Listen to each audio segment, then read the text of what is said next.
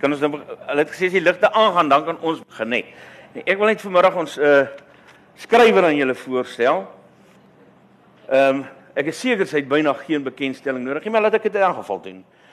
When the moon hits your eye like a big pizza pie that's amore. Dankie Isak. When the world seems to shine like you've had too much wine, that's amore. Dames en here, Amore Becker.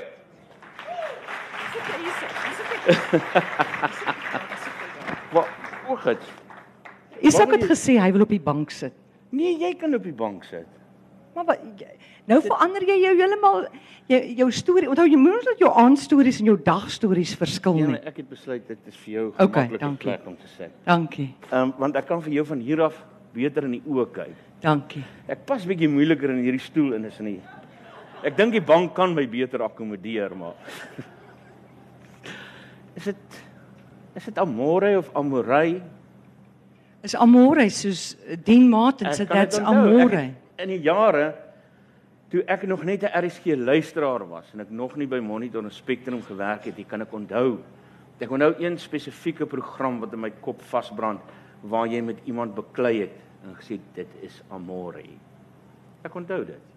Ja, maar nou na 30 jaar kan mense nog nie amore uitspreek Dis nie. wat ek vir jou Ehm um, hoe ek sê as jy dit makliker kan uitspreek, soos amore aanmiddag, aanaand, né? Nee? Amore aanmiddag, aanaand en so ja. toe ek ehm um, vroeër jare maar baie vroeër jare regtig geswat het, het ons die volgende dientjie in ehm uh, Latyn geleer, amo amassa matamatis am amamus amatis aman. Dis mooi, weet jy wat dit beteken? Ja. OK. Ek Ek weet wat dit beteken. Dit beteken liefde en in Italiaans amore, liefde. Ja. Is dit wat dit beteken? Ja. Is jy liefde? Uh baie keer meestal. Ek dink so nee, dit klink vir my mense lief is vir jou. Wel ek sou so hoop. Dames en here, dis Amore Becker, ehm uh, seker een van die geselligste omroepers wat ek al op radio hoor praat het. Dit is altyd lekker om Chaila tyd in die middag te luister. Uh ons by RSG luister graag na ons kollegas, maar veral na Amore Becker. En uh die feit dat haar na- naam liefde beteken, dink ek uh, sê ook iets van die gewildheid van haar program en die feit dat daar so 'n vol saal van dag hier voor ehm um, ons sit. Amore, ons is hier om te praat oor hierdie boek van jou. Toevallig. Nou as 'n mens dit sê, dan klink dit soos toevallig, maar die titel soos wat jy op die voorblad lees, die lees heeltemal anders. Hoekom? Goed, ehm um, dit het begin by jy weet ons het ons het almal soveel wonderlike stories en soveel stories van toevallighede wat gebeur het in ons lewe.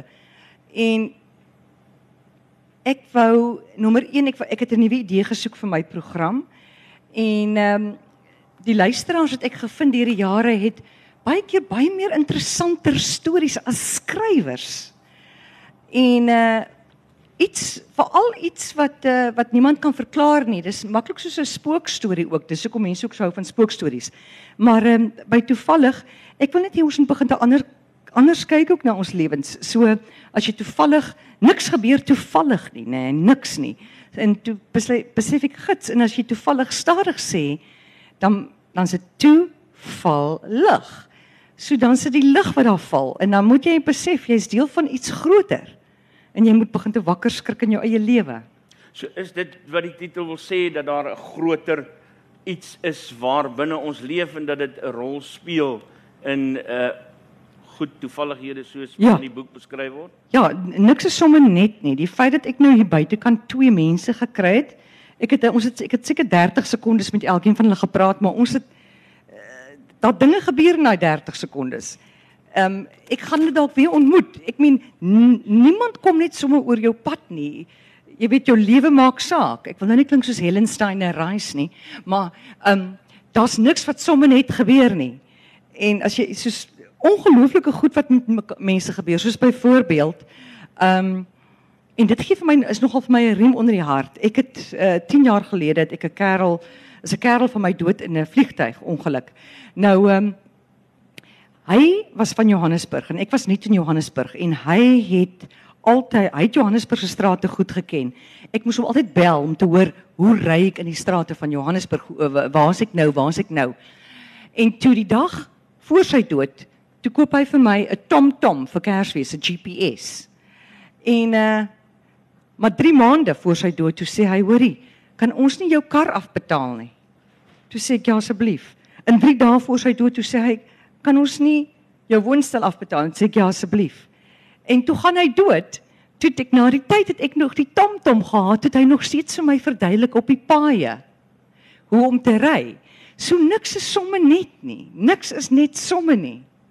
En dit het vir my laat besef dat jy daar word heeltyd na jou gekyk en jy moet net ontspan en sorg dat wat ook al jy doen dit dat jy dit ontsettend geniet of dit nou eet is of kuier of lees of werk of wat ook al.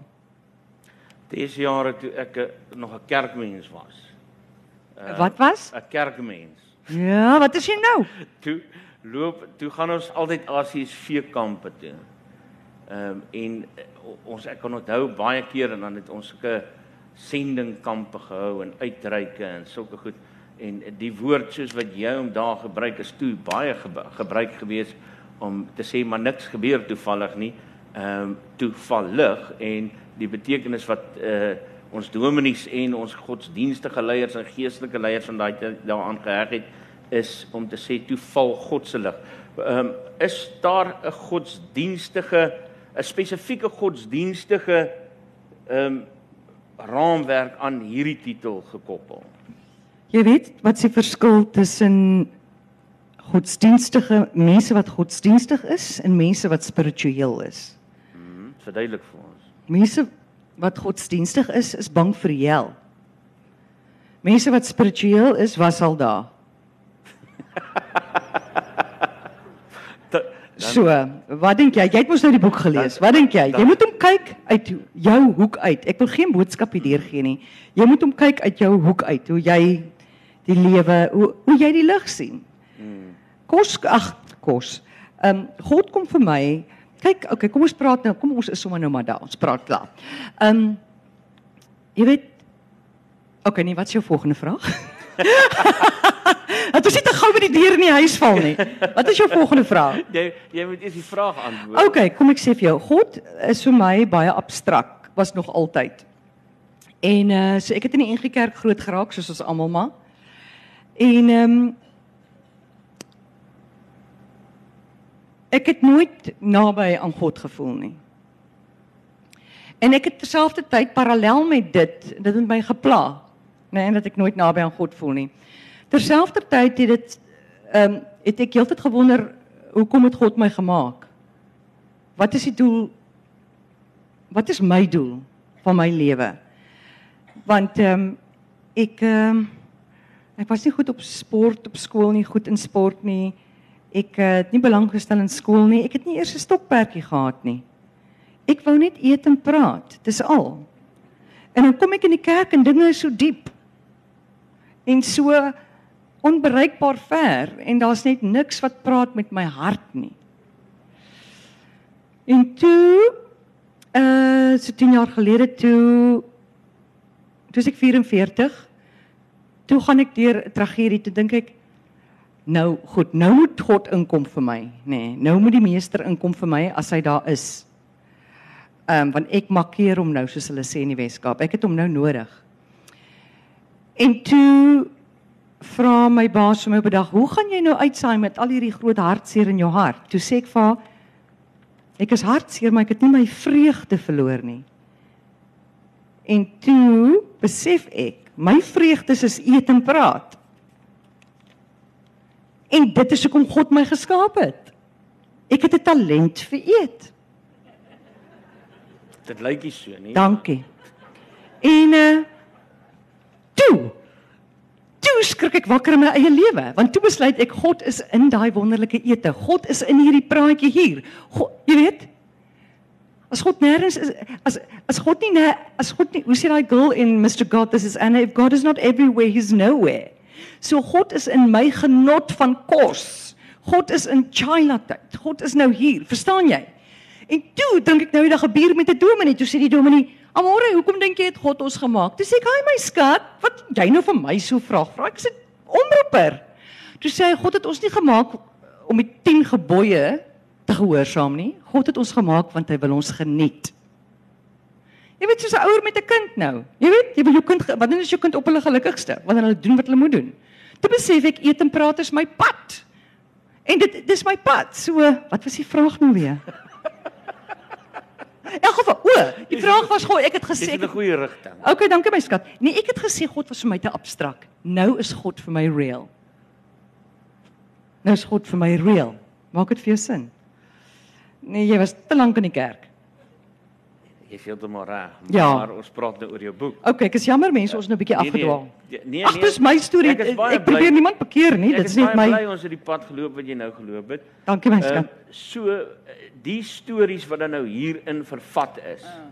Al is dit dan nou van ander van luisteraars af wat oor die jare heen vir jou luister en vir jou bydraes gegee het, getuig tog van eh, iets wat jy persoonlik uit 'n persoonlike uh oortuiging uit na kyk as ek nou vir jou reg gehoor het. Ja, vandat ek besef God is net nie meer in die kerk en in die Bybel nie. Vandat ek besef hy's oral. Weet ek dat alles wat gebeur is 'n is 'n 'n 'n wonderwerk. Alles wat gebeur is net 'n wonderwerk. So dis hoekom uh, God was in dit toe my kerel vir my uh uh daai tomtom gegee het. Ja. Wat is jou gunsteling storie? My guns een van my hier's baie gunsteling stories. Een van my gunsteling stories op bladsy 35. Uh laat ek hom gou vinnig vir jou kyk. Sorry, jy het nou bril aan. Kyk gou vir my daar op bladsy 35. Terwyl jy jou arms langer maak. Ja. Sê ek sê mos altyd my arms is te kort, dan sit ek dit net gou op. Ehm um, 100? Nee nee, net 35. O, oh, 35. Um, ek wil net sê, okay, een van die oulike storieetjies terwyl hy daar soek wat ek gou gaan vertel is van die paartjie wat uh ag eh, 'n vrou bel my eendag en sy sê in 1952 toe ry hulle van Pretoria af Rhodesia toe destyds na 'n troue toe. En op pad soontoe staan 'n ryloper en hulle tel toe die ryloper op. Want dit was onskuldige tye in Suid-Afrika, jy het maar 'n ryloper opgetel. En ehm um, hulle kom toe die hulle het gesels so lekker in die kar. Hulle nooi hom toe sommer na die na die troue toe. Want so het dit gegaan in die 50's in Suid-Afrika, né? Is so. Julle en hulle staan die troue in die kerk en die dominee trou die paartjie en die dominee vra, um, het enige iemand dit teen die twee wat nou trou? En die ryloper wat niemand ken nie, steek sy hand op. Hy sê ja nee, hulle kan nie trou nie. Hulle sê hoekom? Hy sê want eh, daai man, daai bruidegom is getroud. Hy bly in Engeland, hy's die bure van my ouers en hy het drie kinders. Ek meen toevallig vir die bruid. Nie vir die res van die partytjie nie. OK, hier is 'n oulike storie. Jy seker is bladsy 35. Nee. Ek Wat wa- is die storie se naam? Dis die storie van die twee stukkies beskuit in die in die in die in die in die in die biltong. Uh beskuit, o, hier is dit. Skus tog ou skat, dis 38. 38. Beskuit in twee stukkies biltong. Kan ek hom gou lees? Ja, asseblief. Sy sê my oupa aan moederskant was Boel Henry Barnard. Hy's in 1885 gebore en was 15 in 1900, maar wou bitter graag in die Tweede Anglo-Boereoorlog gaan veg. Hulle het in Bethlehem gewoon. 'n Kennis van die gesin teens Verster het van komando teruggekom om 'n paar perde wat hy in 'n kloof versteek het te kom haal. Net daar het Boel en teens sy ma ooreed om hom toe te laat om te gaan veg. Die twee het op 'n bittere koue nag by die komando gekom en Boel is met 'n kakie jas uitgerus. Hulle was onbewus van 'n onlangse proklamasie deur Lord Roberts dat 'n boer wat in 'n kakejas gevang word, se muur doodgemaak word. Die jong boer is kort voor lank in he, kort voor lank in hegtenis geneem en geen verskonings oor sy ouderdom is aanvaar nie. Die krygsraad in Bethlehem het hom skuldig bevind en hy is per trein Pretoria toe gestuur waar hy geskiet sou word. Hy was heelpad onder bewaking van twee streng tommies. By Germistonstasie klim hulle oor en dit wemel van boere, almal op pad na krygsgevangene kampe. Boel loop ewe kort daar rond en word voorgekeer deur 'n boer. Die oom vra: "Seun, wat het jy gedoen dat jy so opgepas moet word?" Met ongeloof luister hy na die verduideliking en gee vir Boel beskuit en twee stukkies biltong. Nou in Pretoria was die hoofregter geïrriteerd met die jonk kind voor hom en wou hy weet wat die seun daar soek. Op die Tommy se verduideliking sê hy: "He should be with his mother. He's only a boy. Send him back." 40 jaar later reis Boel per trein van Harrismith na Pretoria vir besigheid. Op Germistonstasie moet hy oorklim en terwyl hy wag vir die volgende trein, sien hy eenkant 'n oom in die son sit. Hulle begin gesels en die oom vertel hom dat hy reeds afgetree het, maar dat sy seun die stasiemeester is. Omdat hy baie tyd op hande het, kom sit hy maar daar en verwyl die ure. Hy vertel toe dat hy 40 jaar gelede op die einste stasie vir sy makkers gesit en wag het sodat hulle na 'n krygsgevangene kamp geneem kan word. Hy sê en toe sien hy 'n jong seun wat ter dood veroordeel is en wat deur Tommies opgepas word op pad na sy verhoor in Pretoria. En en toe sê Boel toe. Hy sê en toe gee oom vir hom beskuit en twee stukkies biltong.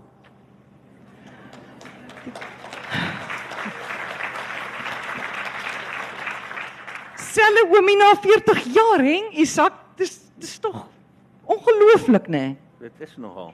Maar ons het altyd gesê gelooflik. Gelooflik. Ja. okay, ja, nie ons Ja, sê is dit- gelooflik. Dis is toevallig. Ja, maar as mens net bly by gelooflik, dis die dat God net vasgevang word in 'n kerk. maar as jy onby kom dan besef jy hy's oral. Skus tog man. Skus tog. Ek wil ek wil nog so 'n bietjie aankarring oor die oor die God tema. Ehm um, in die godsdienst tema want daar is tog iets al is dit nou nie doelbewus so nie. Is daar iets teenwoordig daarvan as jy deur van die stories lees? Ek ehm um, het byvoorbeeld Dadels deur genade. Ek wil, ek wil gou-gou so 'n stukkie hiervan lees uh, waar hulle skryf uh, ons gemeente het van 1998 tot 2000 elke paasnaweek 'n Bybelete gehou. Ek het voltyds gewerk en kon ongelukkig nie met die voorbereidings help nie, maar het altyd bestanddele geskenk. Een jaar het ons wyksusters, dis die kerk nie, jy kan hoor is kerk daai. Weer versoeke ontvang vir geregte en bestanddele. Ek het aangebied om die dadels te verskaf vir die gereg wat ons straat sou voorsit. Ek het egter so besig geraak dat ek skoon vergeet het om dadels te koop.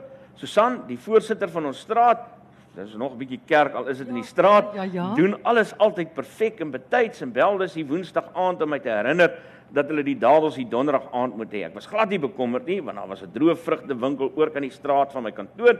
Dit sou dis nie 'n probleem wees om dit vroeg die donderdagoggend te kry nie.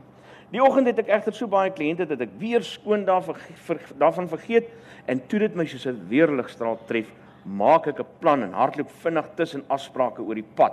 Daar gekom sê die winkeleienaar, deel die winkeleienaar my mee dat ek nêrens daar sal kry nie want daar's 'n staking. Hulle het die hele week geen droë vrugte ontvang nie. Ek gaan terug kantoor toe.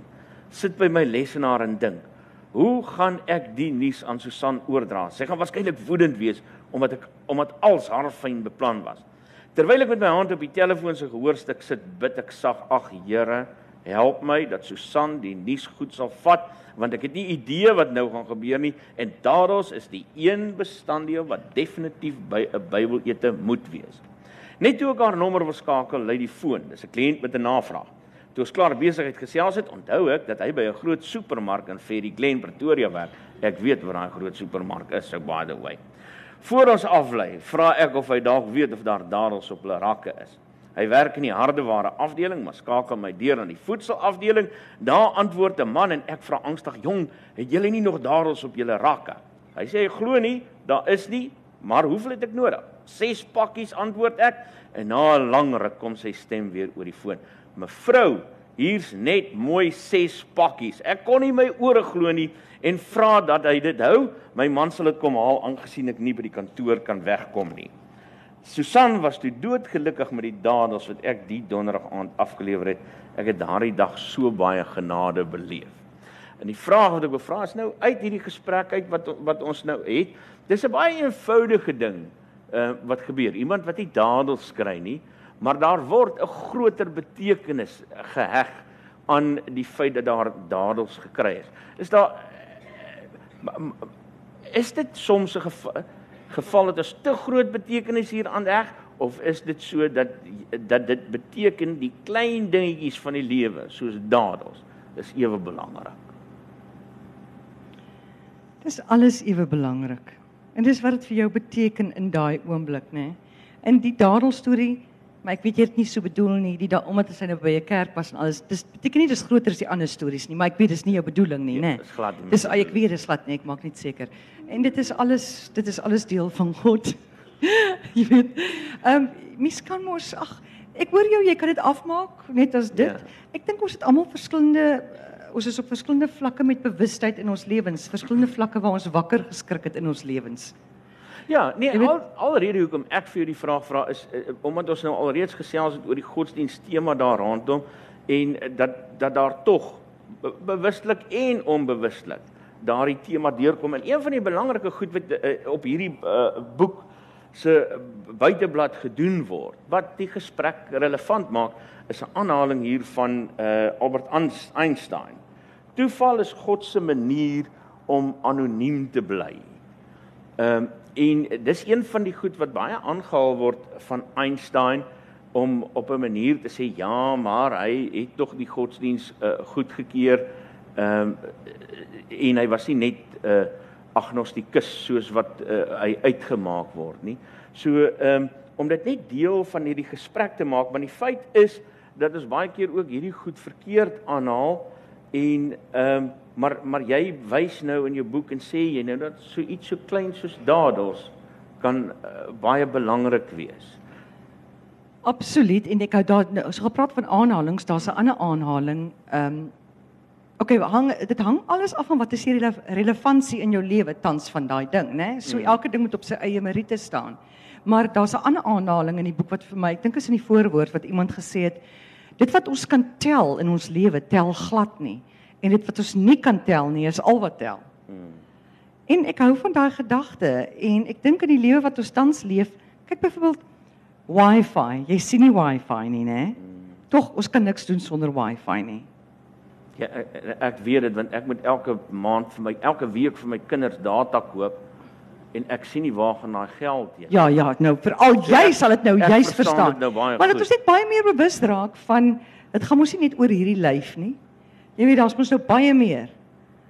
Al kan ons dit nie sien nie, daar gaan net baie meer aan in die wêreld as as hierdie fisiese lyf. So ek hou van daai gedagte. Maar jy het dit ook al vroeër gesê, eintlik het jy nou al die antwoord gegee. So ons hoef nou nie verder te veel daarop aandag te gee nie, maar die belangrike ding is dit dit maak nie saak wat jou beskouing van van die goddelike is nie. Die, die storie behoort by elkeen uit te kom. Die die stories. Ja, ja uh, uh, iemand sê nou dag jy ken vir Dave Peppler, né? Nee. En Dave Peppler sê nou dag vir my, ons het gepraat oor mense wat ons ken wat regtig sukkel om oor 'n groot tragedie te kom. Toe sê hy vir my, die rede hoekom dat hulle so sukkel is omdat hulle nie die woordeskat het vir hulle pyn nie. Dink ek dit is nogal so belangrik dat jy uh, dat jy die storie van jou eie lewe kan vertel. Dat jy die woordeskat het vir jou eie pyn. Dis 'n manier wat jy vir jouself kan terapie gee. En ek dink hierdie storie van toeval is net as jy begin te wakker skrik in jou eie lewe en jy en jy kyk na hoe jou lewe gegaan het tot sover. Of begin jy net te skryf oor jou eie lewe, jy hoef vir niemand dit hoef nie 'n boek te wees nie. Jy begin net te skryf oor jou lewe en jy kyk al die stories van toeval.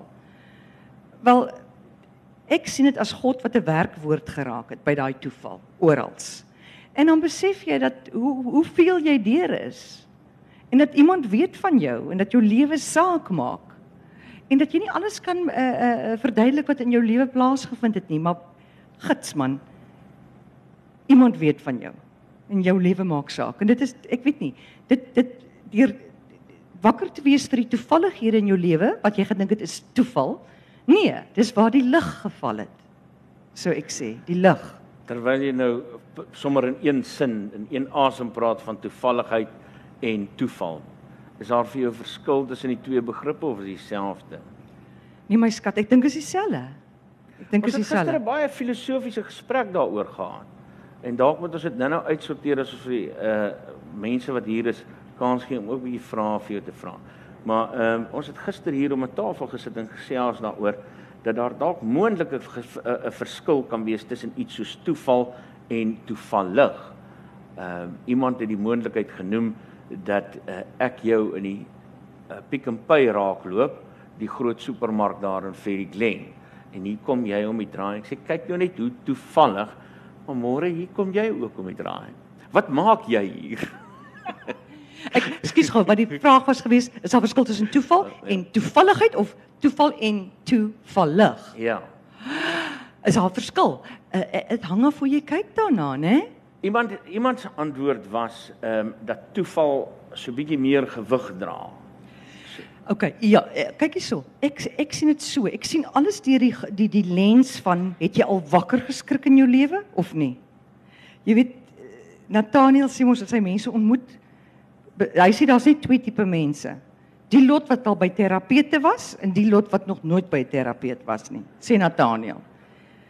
So ek sê nie as jy by terapeut was, het jy al wakker geskrik in jou lewe nie. Ek sê lewe jy uh, het jy al wakker geskrik of is jy nog aan die slaap in jou lewe? As jy nog aan die slaap is in jou lewe, dan is niks fout daarmee nie. Ek was vir leeftyd nog aan die slaap. Ek dink ek is nog effe aan die slaap baie keer ook dan dan sal dit net uh, net nog 'n ding wees, toeval. Wat is nou toeval? En en ek sal dit sien 'n oomblik as ek iemand ontmoet, maar na na die tyd. Jy weet besef ek, aha. As ek nou hierdie streepie by hierdie streep bring by daai doetjie. Gits man, dan is dit fantasties hoe dit uitgewerk het. Dis fantasties, my lewe moes so wees in plaas van dat jy op die ouderdom van 60 sê, ag nee, ek moes dit gedoen het, ek moes dit gedoen het. Nee man, daar was perfekte orde. Hou dit hou dit die teenkant se betekenis ook in as dinge dan nou verkeerd loop. As dit nou toevallig nie uitwerk. Daar is niks in die lewe wat nie uitwerk nie. Daar's niks wat nie uitwerk nie. Okay. Dit dit jy dit moes op jou pad gekom het. Daar's daar's niks wat nie uitgewerk het nie. Onthou net dit. Hier hier's 'n mooi storie wat my nog getref het. Ehm uh, die eenvoud daarvan uh Fred se volksies. Baie kort, julle moet mooi luister want uh voor julle geluister het, is hy verby. Fred, my man, wou sy lewe lank 'n volksie bussie hê. Uiteindelik kon hy in 2010 sy droom bewaarheid, dis op bladsy 165, toe hy 'n 1972 Volkswagen paneelwa raakloop. Die voertuig was nog in sy oorspronklike toestand en padwaardig en boonop 'n winskoopie. Ons het die donkerbruin bussie met sy geel binnekant die bynaam Bar is dit Baronne gegee en die wonderlike ritte daarmee onderneem. 3 jaar gelede het die bus se afstandmeter egter gebreek. Net toe dit oorgeslaan het na 570421 km. Ek is so dankbaar ek kon dit lees want amper dog ek ek gaan soos Jacob Zuma maak.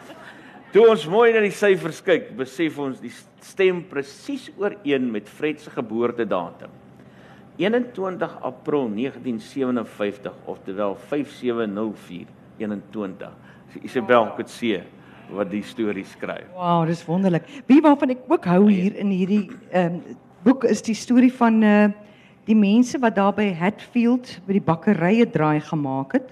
Wag voordat ek daarby kom is onthou julle in 1972 daai vliegtye wat in Tafelberg vasgevlieg het van die Republiekdag vierings.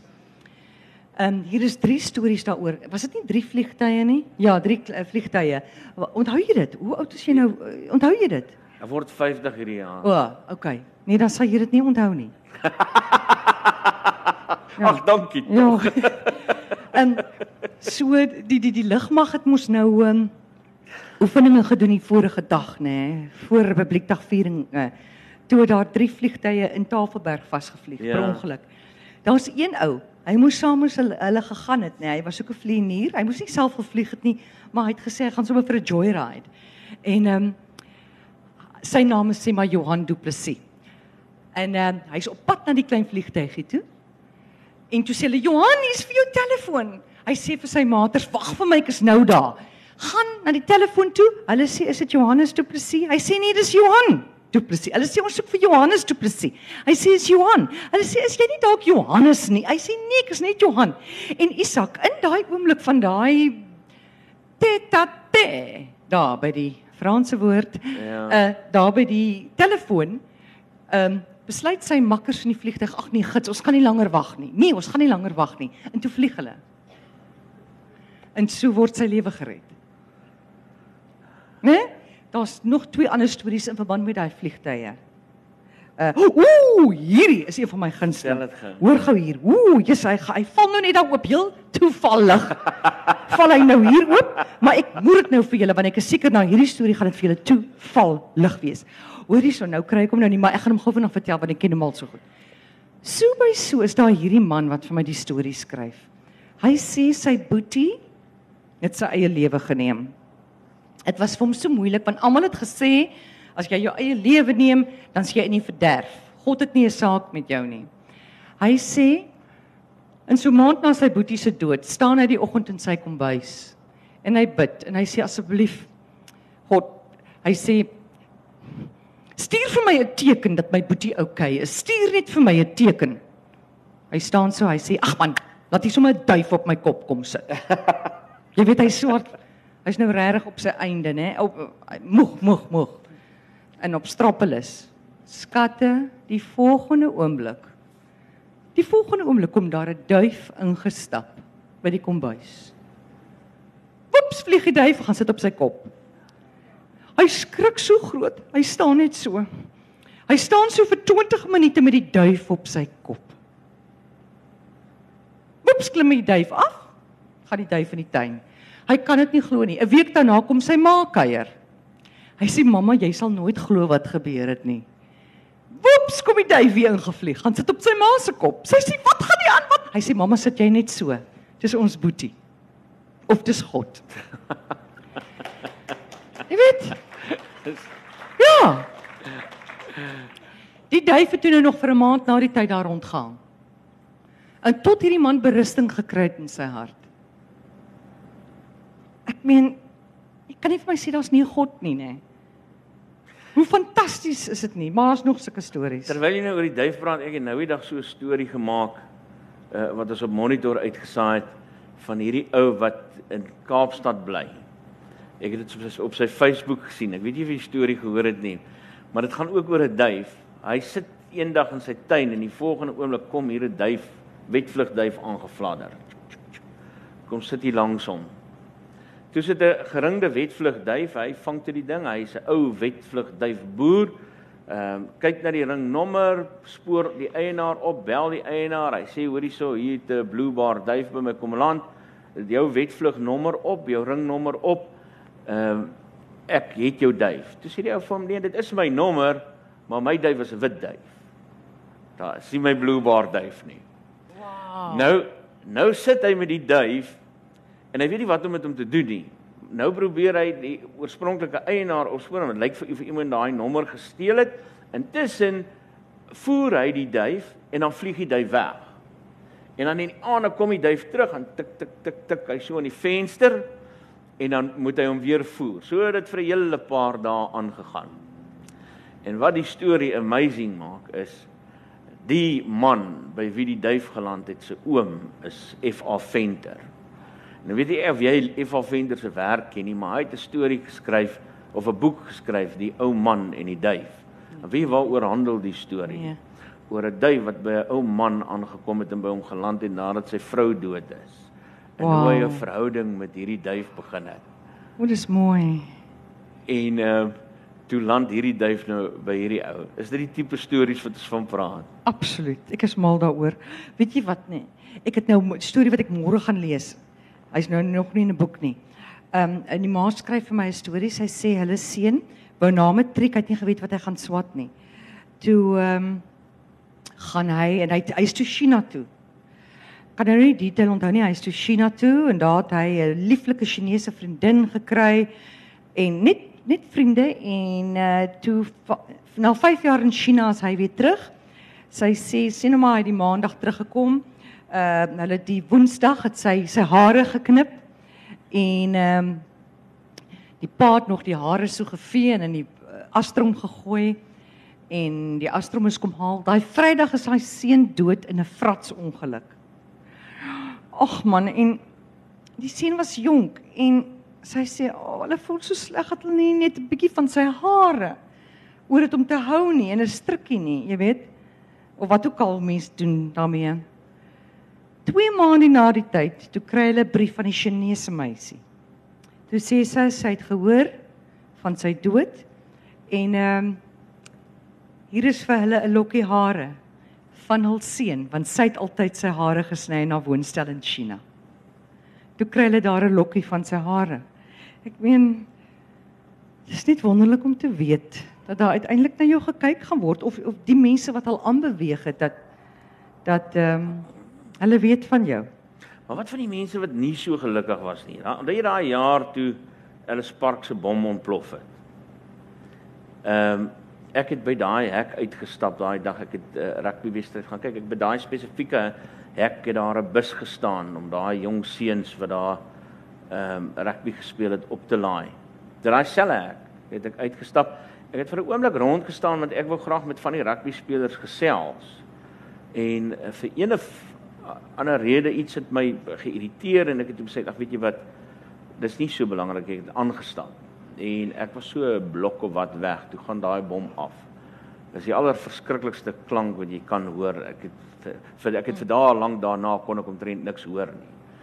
Ehm um, en ek was toe nou al reeds oud genoeg was so 20 19 20 jaar oud gewees. So ek het al so 'n bietjie van 'n bewussyn gehad oor uh die waarde van die lewe en uh, van hoe oombliklik alles verby kan wees. So dit het my emosioneel geraak. Ehm um, maar daai klomp seuns wat in daai bus moes kling, hulle was nie so gelukkig gewees nie. Ehm um, die die toevallig wat my daai dag op op my geskyn het, het uh in my oë nie op hulle geskyn nie.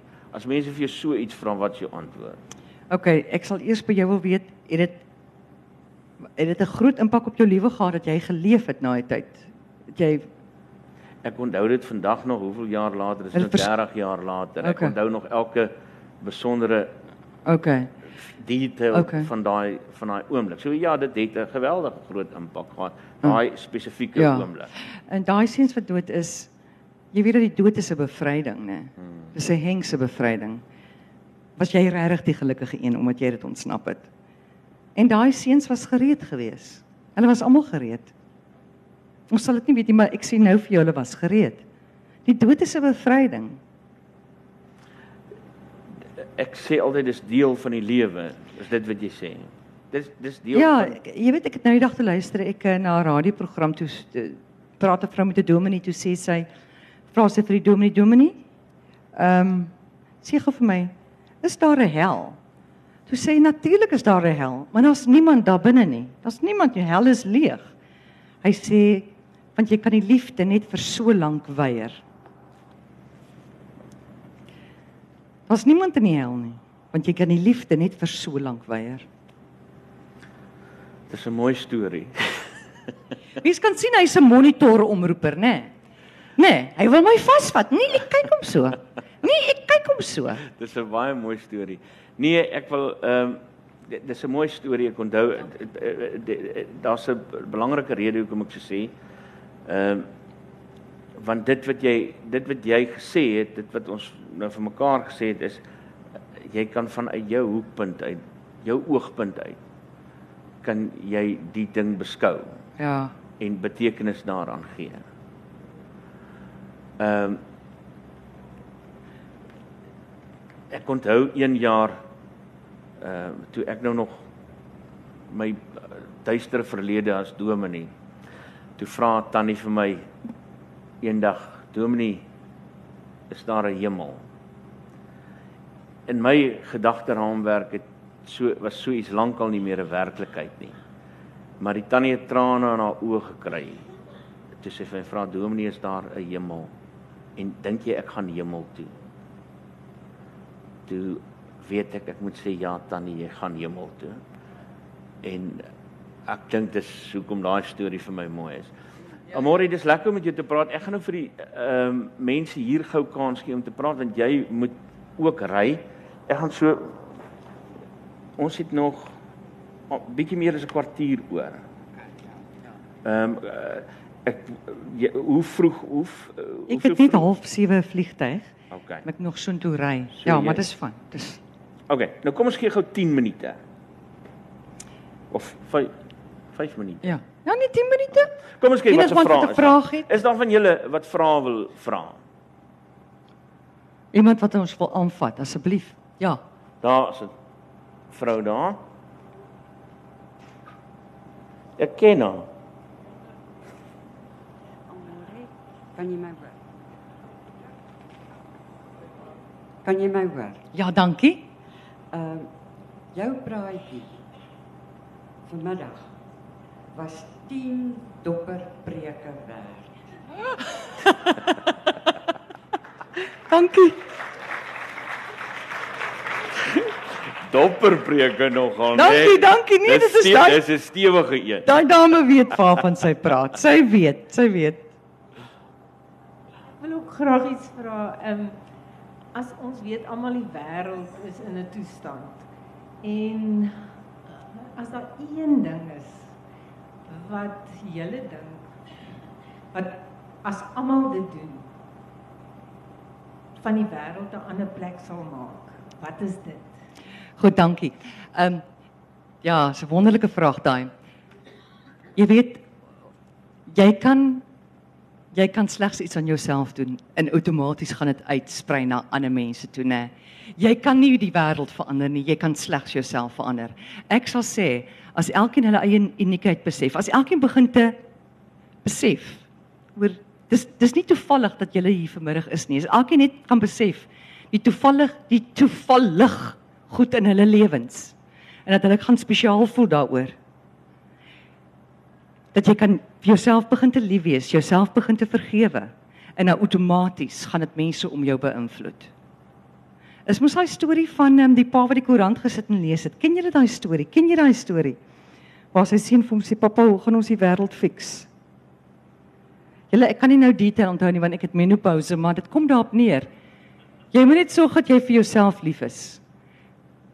Dan jy die kapasiteit om vir ander mense lief te wees, jouself vergewe, geduld met jouself. En dan kyk jy kan mos iets gee wat jy nie het nie. So ek sal net sê jy kan net werk aan jouself en dis die moeilikste ene ook daai om te werk aan jouself. So jy kan net sorg dat jy self, maar daar's niks wat almal kan saam doen nie. Dit is soos vrede. Jy vrede is nie iets wat jy okay mense nou moet ons almal dat God vrede gaan laat afsak nie. Uh uh. Jy kan net dat jy in jou hart dat God jou help met jou vrede dat jy vrede maak met jouself. En dan spoel dit na jou man toe, na jou kinders toe. Moet pay it forward daai ding. So jy moet sorg dat jy wat jy wil hê in die liefde moet jy vir jouself eers te gee. As jy wil liefde hê, vrede gee, hê kry dit eers vir jouself. Ek hoop nie of dit sin maak nie. Amorei. Ehm um, Amori. Amore, aanmiddag, Môre. aanaand, amore. Môre. Goeienaand. Goeienaand. Ehm um, aangesien ons nou hier in ehm um, predikante se geselskap of of X ek wil ek net deel dat verlede jaar het die Here dit vir my net so duidelik gemaak. Hy het twee gebooie gegee. Hê hom lief en hê jou naaste lief soos jouself. Maar hoe kan jy jou naaste lief hê as jy nie van jouself hou nie? Ja, ek sê daai ding, wie wat net, ooh, ek is so bly jy's hier so want nou kan ons daaroor praat. Dis nogal wat my dit is nogal wat my uh kyk soos byvoorbeeld, here's the deal. So daar word vir ons gesê, jy moet die vrugte van die gees hê. Jy moet uh, vriendelik wees, lankmoedig, geduldig, ek kan nie die ander onthou nie. En dan gaan jy 'n goeie mens wees. Dit werk nie vir my lekker daai nie. Jy weet so asof Jesus iewers sit en aan homself kyk as 'n goeie mens. Die oomblik wanneer jy dink jy is 'n goeie mens, is jy glad nie meer 'n goeie mens nie. Dit maak vir my sin en hierdie is nie oorspronklike gedagte nie. Ek het dit gekry in die boek Mr God, this is Anna, waar Anna sê, kom so naby as moontlik aan Jesus. En outomaties het jy die vrugte van die Gees. Outomaties. So, daai ding, dis vir my so moeilik daai ding. Wees vir ander so lief soos wat jy jouself het. Ek wil dit verander. Ek wil sê wees vir jouself so lief soos wat jy verander het. Né? Want mense is so maklik goed vir ander mense in plaas dat hulle met hulle self eers goed is. Is jy met my? Jy doen so maklik iets vir ander plaas dat jy vir jouself. Ehm um, daarom me- hoe maak ons nou vir jou sin my skat? Ek sal sê behandel vir ander mense Behandel jouself soos wat jy ander mense behandel. Ayn Rand skryf dit met dalk sy het maar so 'n bietjie van 'n kultus aanhang, maar Ja. dis min of meer wat sy skryf in haar boeke wat baie lank en Ja. moeite is om te skryf. Maar dis min of meer wat sy sê. Maar- Is as jy na jouself kyk, dan is dit makliker Ja. om deel van die wêreld te wees en te en. 'n verbetering te wees. Ja, so en dis nie selfsugtig nie want baie keer nou met ons patriargale agtergrond, die kalvinistiese agtergrond, word dit gesien as selfsugtig, maar dit is nie. Jy weet dit is soos 'n uh, maane vliegtyg as die vliegtyg begin te val, dan sê hulle kyk eers na jouself voordat jy die suurstof aangee vir jou kind. Ja. Want as jy nie asemhaal nie, kan jou kind ook nie asemhaal nie. Maar dit is hoe God vir my 'n realiteit geraak het. Want God, kyk Viktor Frankl het mos gesê, for Christianity to survive it has to become profoundly personal. So vandat ek besef het hoe kom God my geskaap het of ek kyk net wat ek die meeste geniet en dit is eet en praat. En as ek dit doen, dan voel ek ontsettend naby aan God. Dan voel dit asof hy ek, ek op sy skoot sit en dit werk vir my. Dit werk vir my en dit maak vir my 'n aangenaamer mens. En ek het dan energie om dinge te doen en ek en ek het dan wragtig nie tyd om depressief te raak oor wat sy ouetjie se naam Julius Malema of as die petrolprys styg of in, in die rand daal nie. Jy weet, want ek is op my pad. Antoinette Pinaar sê jy's kronies moeg want jy's nie op jou pad nie. So ek het nou so begin te ontspan. Né? Nee? Oor die hemel en die hel en God in die kerk. Nou, ek ek het weet net ek moet eet en praat. Nou maar ek het 'n voorstel. Kom ons gaan eet. Amore Becker, baie baie dankie, Dankie. dat jy met ons gepraat het oor jou boek toevallig. Dankie vir julle wat hier was. Onthou, daar is nou boeke te koop hier langs aan. Ehm um, en ek weet ek weet nie of jy nou gaan teken nie of moet jy vlug. Nee, ek gaan teken. Okay, dan sy gaan Teken voor teken. vlug. So julle kan gaan boeke koop hier langs aan blykbaar verstaan ek. Baie dankie. Dankie, Eh, dankie dat julle oop was vir hierdie gesprek. vir. Dankie.